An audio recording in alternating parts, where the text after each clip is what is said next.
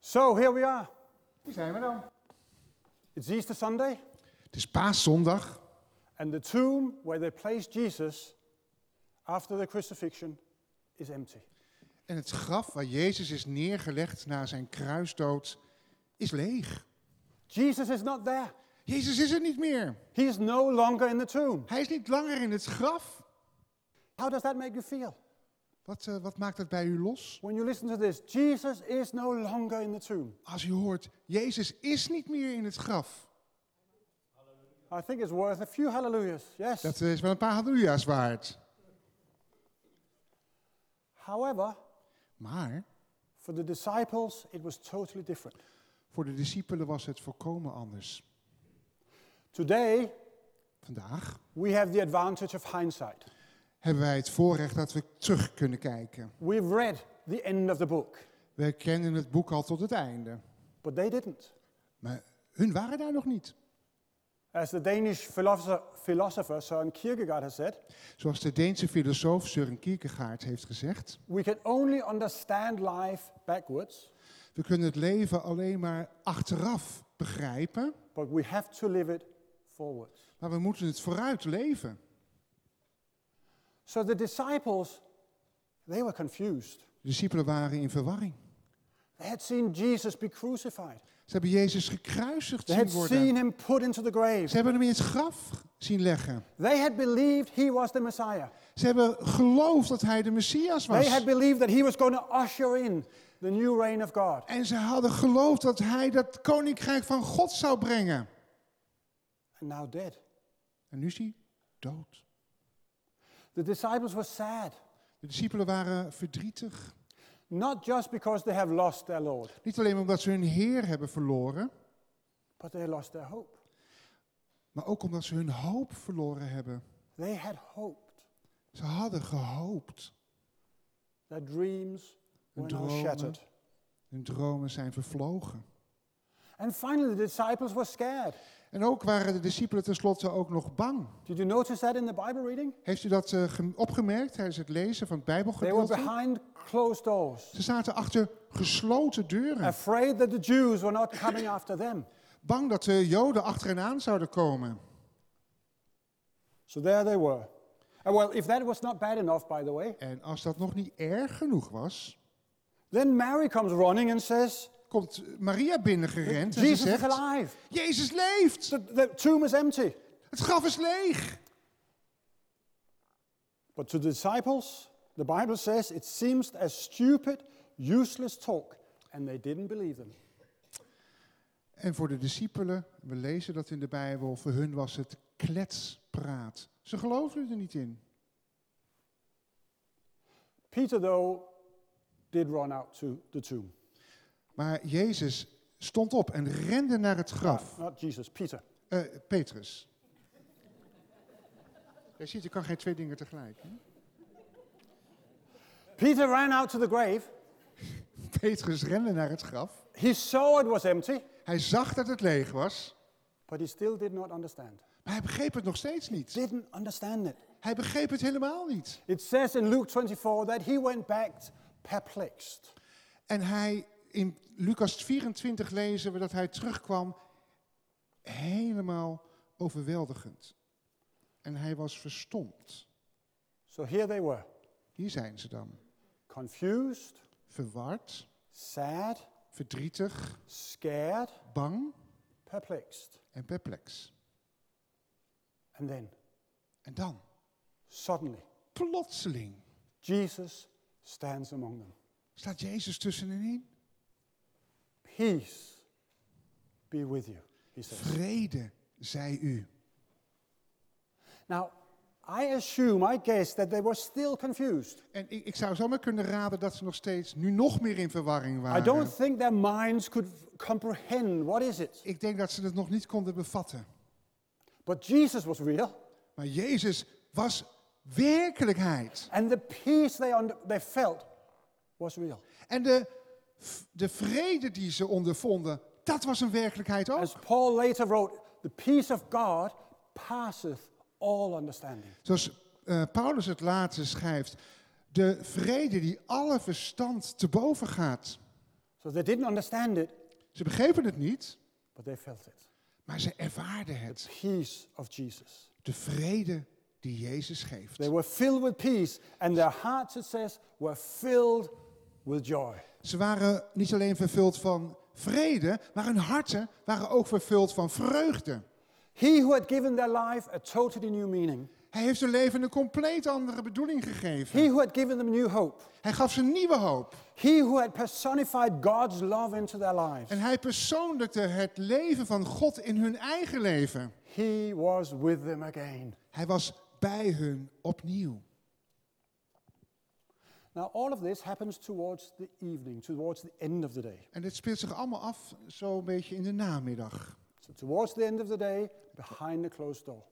Aan het einde van de dag achter gesloten deuren. Now, we know that Jesus rose in the morning, Maar wij weten dat Jezus in de ochtend is opgestaan.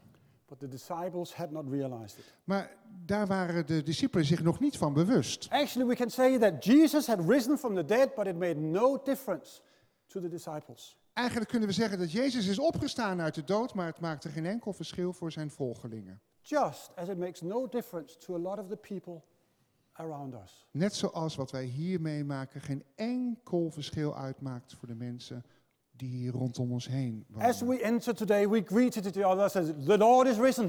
We hebben u vanochtend begroet met de Heer is opgestaan. And we can shout it from the rooftops. The kunnen- Lord is risen. We kunnen het van de daken schreeuwen dat de Heer is opgestaan. And people, they're just going to go, En de mensen zullen hun schouders ophalen.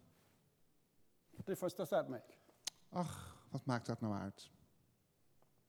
We could build, and it's possible to build, an impressive historical argument for the resurrection of Jesus. En, en wij, wij kunnen hele belangrijke, imposante argumenten aandragen over de werkelijkheid van zijn opstanding. But it will make very little difference. Maar het maakt geen enkel verschil.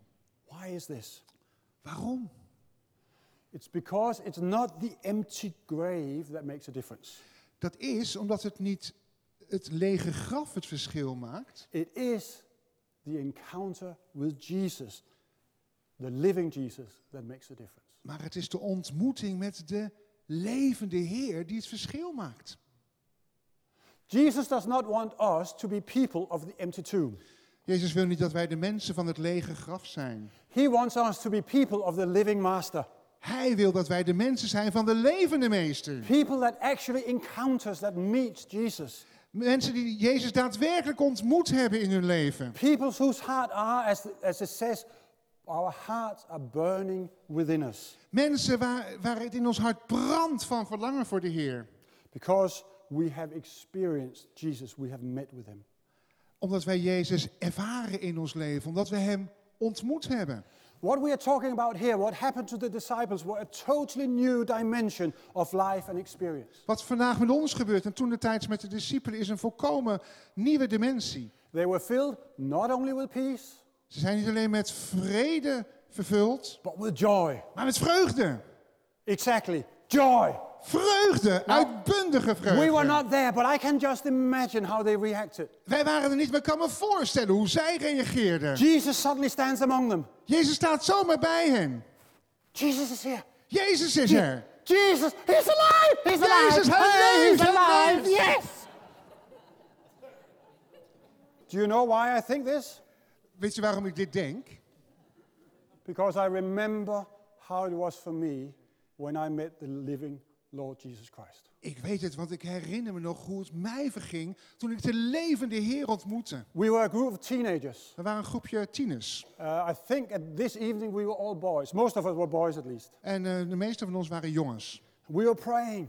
Dus we waren aan het bidden. I said, Lord, we long for you. We want to experience you. Heer, wij verlangen naar u. We willen u ervaren in ons leven. And then suddenly it happened. En plotseling gebeurde We het. didn't see Jesus, We hebben Jezus niet gezien, but we knew he was there. maar we wisten dat hij er And was. we knew not outside, but inside. We wisten het niet van buiten, maar binnenin ons. And as we left that evening, En toen we die avond we weggingen, went out on the street.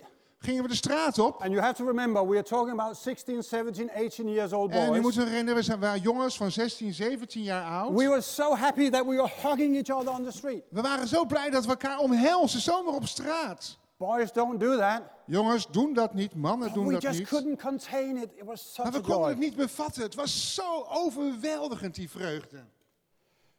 If Francis Schaeffer, the uh, Christian author, uh, wrote this. De christelijke auteur Francis Schaeffer schreef dit. If we are unexcited Christians, Als wij vreugdeloze christenen zijn, we should go back Moeten and we see what is wrong.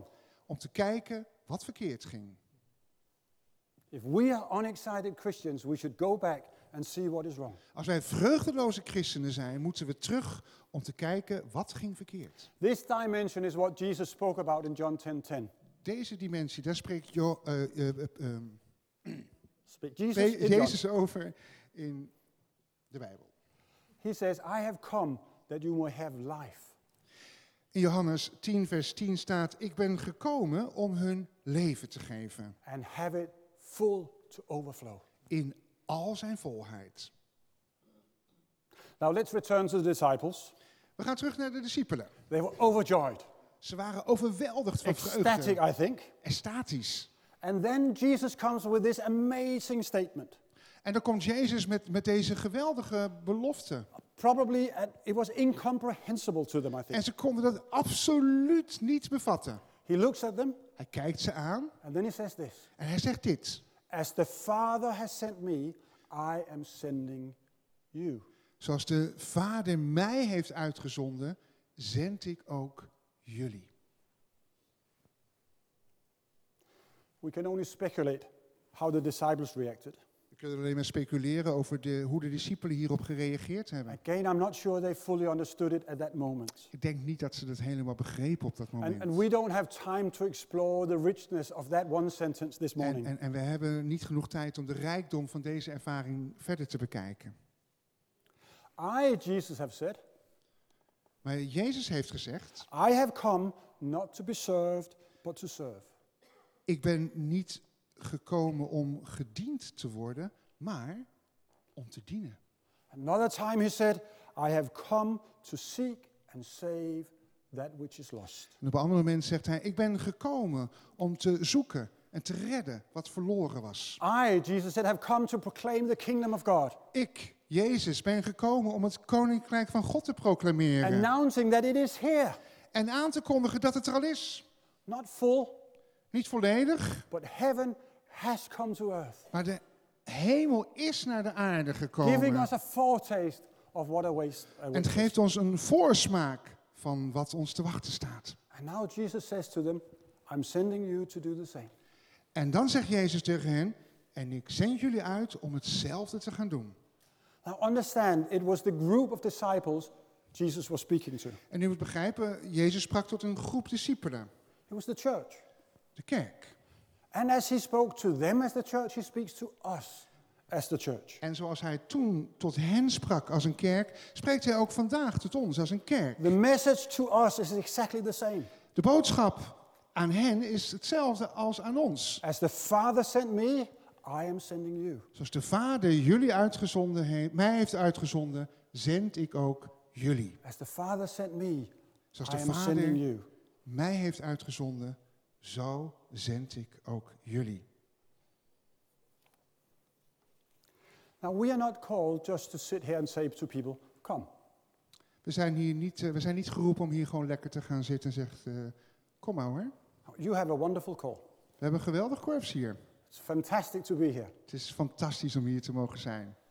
But the job is not to sit here and wait for people to walk in through the Maar door. het is niet onze taak om hier gewoon lekker te gaan zitten te wachten tot mensen door de deur binnenkomen. As Jesus said, I have come to seek and to save. Want Jezus heeft gezegd, ik ben gekomen om te zoeken en te redden. Because you see, also, often when we say come, Heel vaak zeggen we, kom maar hoor. what we're really saying is, come as long as you behave like us. Maar dan bedoelen we het. Je mag komen, maar zo zijn onze manieren. Right? You have to dress right. Je moet het juiste aan hebben. You have to react right. Je moet op de juiste manier reageren. You have to uh, not be too ecstatic, Je maybe, moet niet iets te enthousiast zijn. or whatever. Wat dan ook. But what Jesus did was he met people where they were on their terms. Maar, maar Jezus was anders. Hij ontmoette de mensen waar hun waren op hun voorwaarde. And that's what we are called to En daartoe zijn wij geroepen. to come alongside people, Om naast mensen te gaan staan. to say to them, Om tegen ze te zeggen, if you're hurting, als je verwond bent, let me ease your pain. laat mij je pijn verzachten. If you're lonely, Als je eenzaam bent, let me be your friend. Laat mij dan je vriend zijn. If you have questions, Als je vragen hebt, let me listen laat mij dan to luisteren understand. en proberen het te begrijpen. Maybe when we get a few tulips after the meeting this morning, Misschien als we een paar eh, tulpen mee naar huis mogen nemen, maybe we should ask Jesus to say, Who can I bless with these? misschien kunnen we dan vragen, Jezus, met wie kan ik zegenen met deze bloemen? And most fantastic, can I bless somebody who doesn't believe in you, who doesn't know you? En het geweld zou zijn, wie kan ik zegenen die nog niet in u gelooft?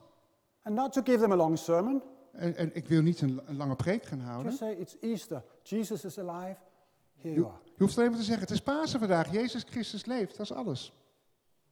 So, first, the disciples sensed the presence of Jesus. Dus eerst eh, ervaarden de discipelen de aanwezigheid van And then they Jezus. heard the purpose go. En toen hoorden ze het doel, ga. However, Maar before we either rush out and go and do something, voordat we wegrennen en iets gaan, eh, gaan ondernemen, or overcome with despair because it's just not me, so now I'm a little bit nervous, o- of ons een beetje terugtrekken, want het maakt me altijd een beetje nerveus als ik die tulpen uit moet delen, we need to read on. We need to read on in the text. dan moeten we before verder do lezen anything. in het Bijbelgedeelte. Because it says that after he had said it, Want er staat dat nadat hij dat gezegd he heeft, blaasde hij Gods geest over hen en ontvingen ze de Heilige Geest. And now we are actually back where we started. En nu zijn we terug waar we begonnen zijn. The Holy Spirit is the presence of Jesus. De Heilige Geest is de aanwezigheid van It's Jezus. the presence and the power of Jesus with us today. De aanwezigheid en de kracht van Jezus in ons vandaag. When we talk today about the presence of Jesus, when we sense the presence of Jesus, Wanneer we vandaag hebben over de aanwezigheid van, van, van Jezus en zijn aanwezigheid ervaren, when we talk about when I shared my experience as a young teenager, what we really experienced was, of course, the Holy Spirit, who today is here to make Jesus real. en wat ik u vertelde toen ik tiener was, wij, wij ervaarden in werkelijkheid de Heilige Geest. En de Heilige Geest is ook hier vandaag. When Jesus promised his disciples that, don't worry, I will come to you, Als, als Jezus zegt, maak je geen zorgen, ik kom bij je wonen, he spoke about the Spirit. bedoelde hij eigenlijk dat de Heilige Geest bij ons komt Now, wonen. maybe some of you say, hey, wait a minute, Maar sommigen zeggen, wacht, wacht, wacht, wacht even, Cornel. you're coming ahead of the story. U, gaat, u loopt een beetje op de zaak vooruit. It's Easter, Het is Pasen. it's not Pentecost. Niet uh, Pinksteren. But friends, we live beyond these things. Maar vrienden, we leven verder dan deze dingen. Today, Vandaag it's Christmas, is het kerstmis, it's Easter, Pasen and it's Pentecost. en Pinksteren. The disciples had to wait for 40 days, Eh, de discipelen moesten 40 dagen wachten. but we don't have to wait Maar wij hoeven niet te wachten. because it's here. Want het is er It's al. now. Het is in het nu. It's real. Het is werkelijkheid.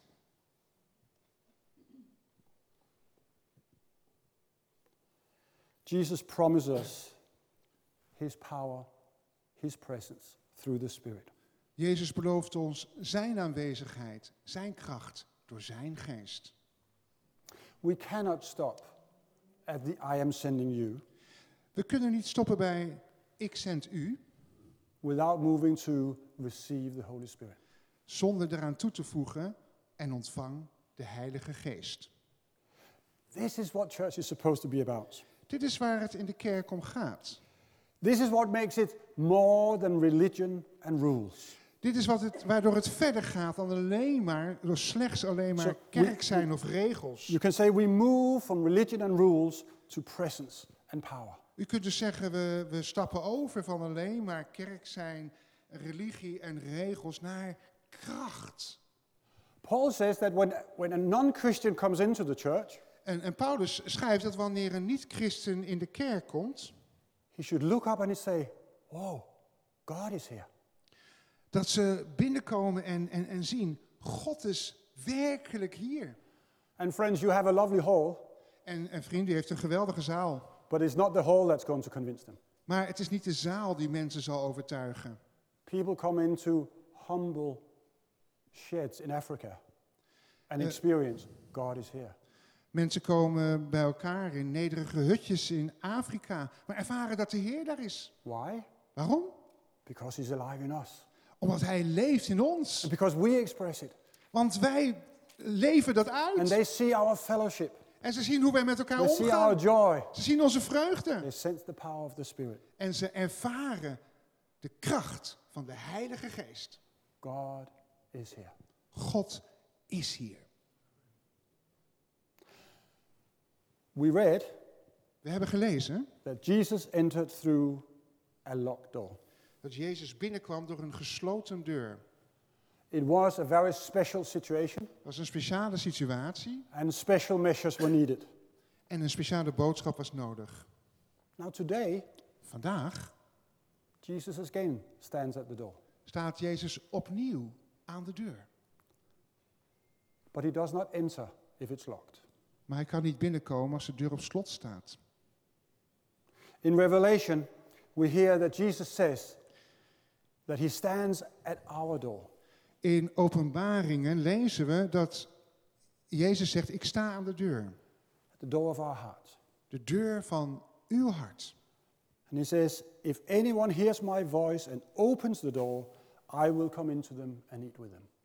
En hij zegt, als iemand mijn stem hoort en de deur opent, zal ik binnenkomen en we zullen samen eten. Now, we can lock the door, We kunnen de deur op slot doen and Jesus will stay outside en Jezus zal buiten blijven. with his presence, Door zijn aanwezigheid, with his joy, met zijn vreugde, with his power, met zijn kracht and wait. en wachten. But if anyone opens the door, Maar als iemand de deur open doet, I will come in, he says. zal hij binnenkomen. I will enter. Ik zal binnenkomen. I will eat with you. Ik zal samen met je eten. It's one of the most intimate ways of interaction with people, right? We sit down and eat and we share Het is een van de intiemste om, omgaan met elkaar. Samen zitten en samen eten. Jesus said that he came so we might experience this dimension of life. Jezus heeft gezegd, ik ben gekomen zodat jullie dit zullen ervaren. Deze dimensie van het leven. Not just believing, Niet alleen maar om te geloven, but experiencing. maar het te ervaren. And what we need to do, what you need to En do, wat u moet doen en wat wij moeten doen, is to open our door, onze deur openzetten. open our heart Onze harten openzetten. for the whole being in the presence of Jesus, Voor, voor, het, voor het hele brengen van Jezus Christus in ons leven. for him to overflow. Voor ons, om ons te beademen. So the question this Easter Sunday, De vraag op deze paaszondag is, are you living in that dimension? leeft u in die dimensie? Do you have that dimension of the presence, the peace and the joy of Jesus? Heeft u die dimensie van die vrede en die vreugde van Jezus? Have you opened the- your door? Heeft u uw deur opengezet? Now, I don't know if this translates well. Ik weet niet of dit goed vertaalbaar It's a, is. it's a strange English setting, but some of us live with the door ajar. Eng- Engels, maar sommigen leven met eh, de deur op een kier. So we have it a little bit open. Klein stukje open. And you know what the consequence is? Weet je wat eh, de consequentie daarvan is? We get a little bit of the presence. We krijgen een heel klein beetje de aanwezigheid mee. But if we open the door, Maar als we de deur helemaal openzetten, risky as it might be, riskant als dat maar kan zijn, but remember it's to Jesus we're doing it. maar vergeet niet, u doet het voor Jezus. He will come in. Dan zal Hij binnenkomen. Your heart and your whole being will overflow with the presence of Jesus Uw hele hart zal overweldigd worden door de aanwezigheid van as Jezus. he becomes a reality. Want Hij in wordt een us. werkelijkheid in ons. Do you live in it? Leeft u daarin? Or more, ma- maybe better ask, do you long for it? Of misschien kan ik beter vragen, verlangt u daarnaar? Because this is the real miracle of Easter Sunday morning. Want dat is, dit is de werkelijke boodschap van paasmorgen. Jesus is here Jezus is hier. to meet each one of us Om ons allemaal stuk voor stuk te ontmoeten. with his presence, met zijn aanwezigheid, with his peace, met zijn vrede, with his joy. met zijn vreugde. Behold, I'm standing at the door. Wacht en zie, ik sta aan de deur. This morning, will you let Jesus breathe on you? Wilt u vanochtend Gods geest in u laten ademen?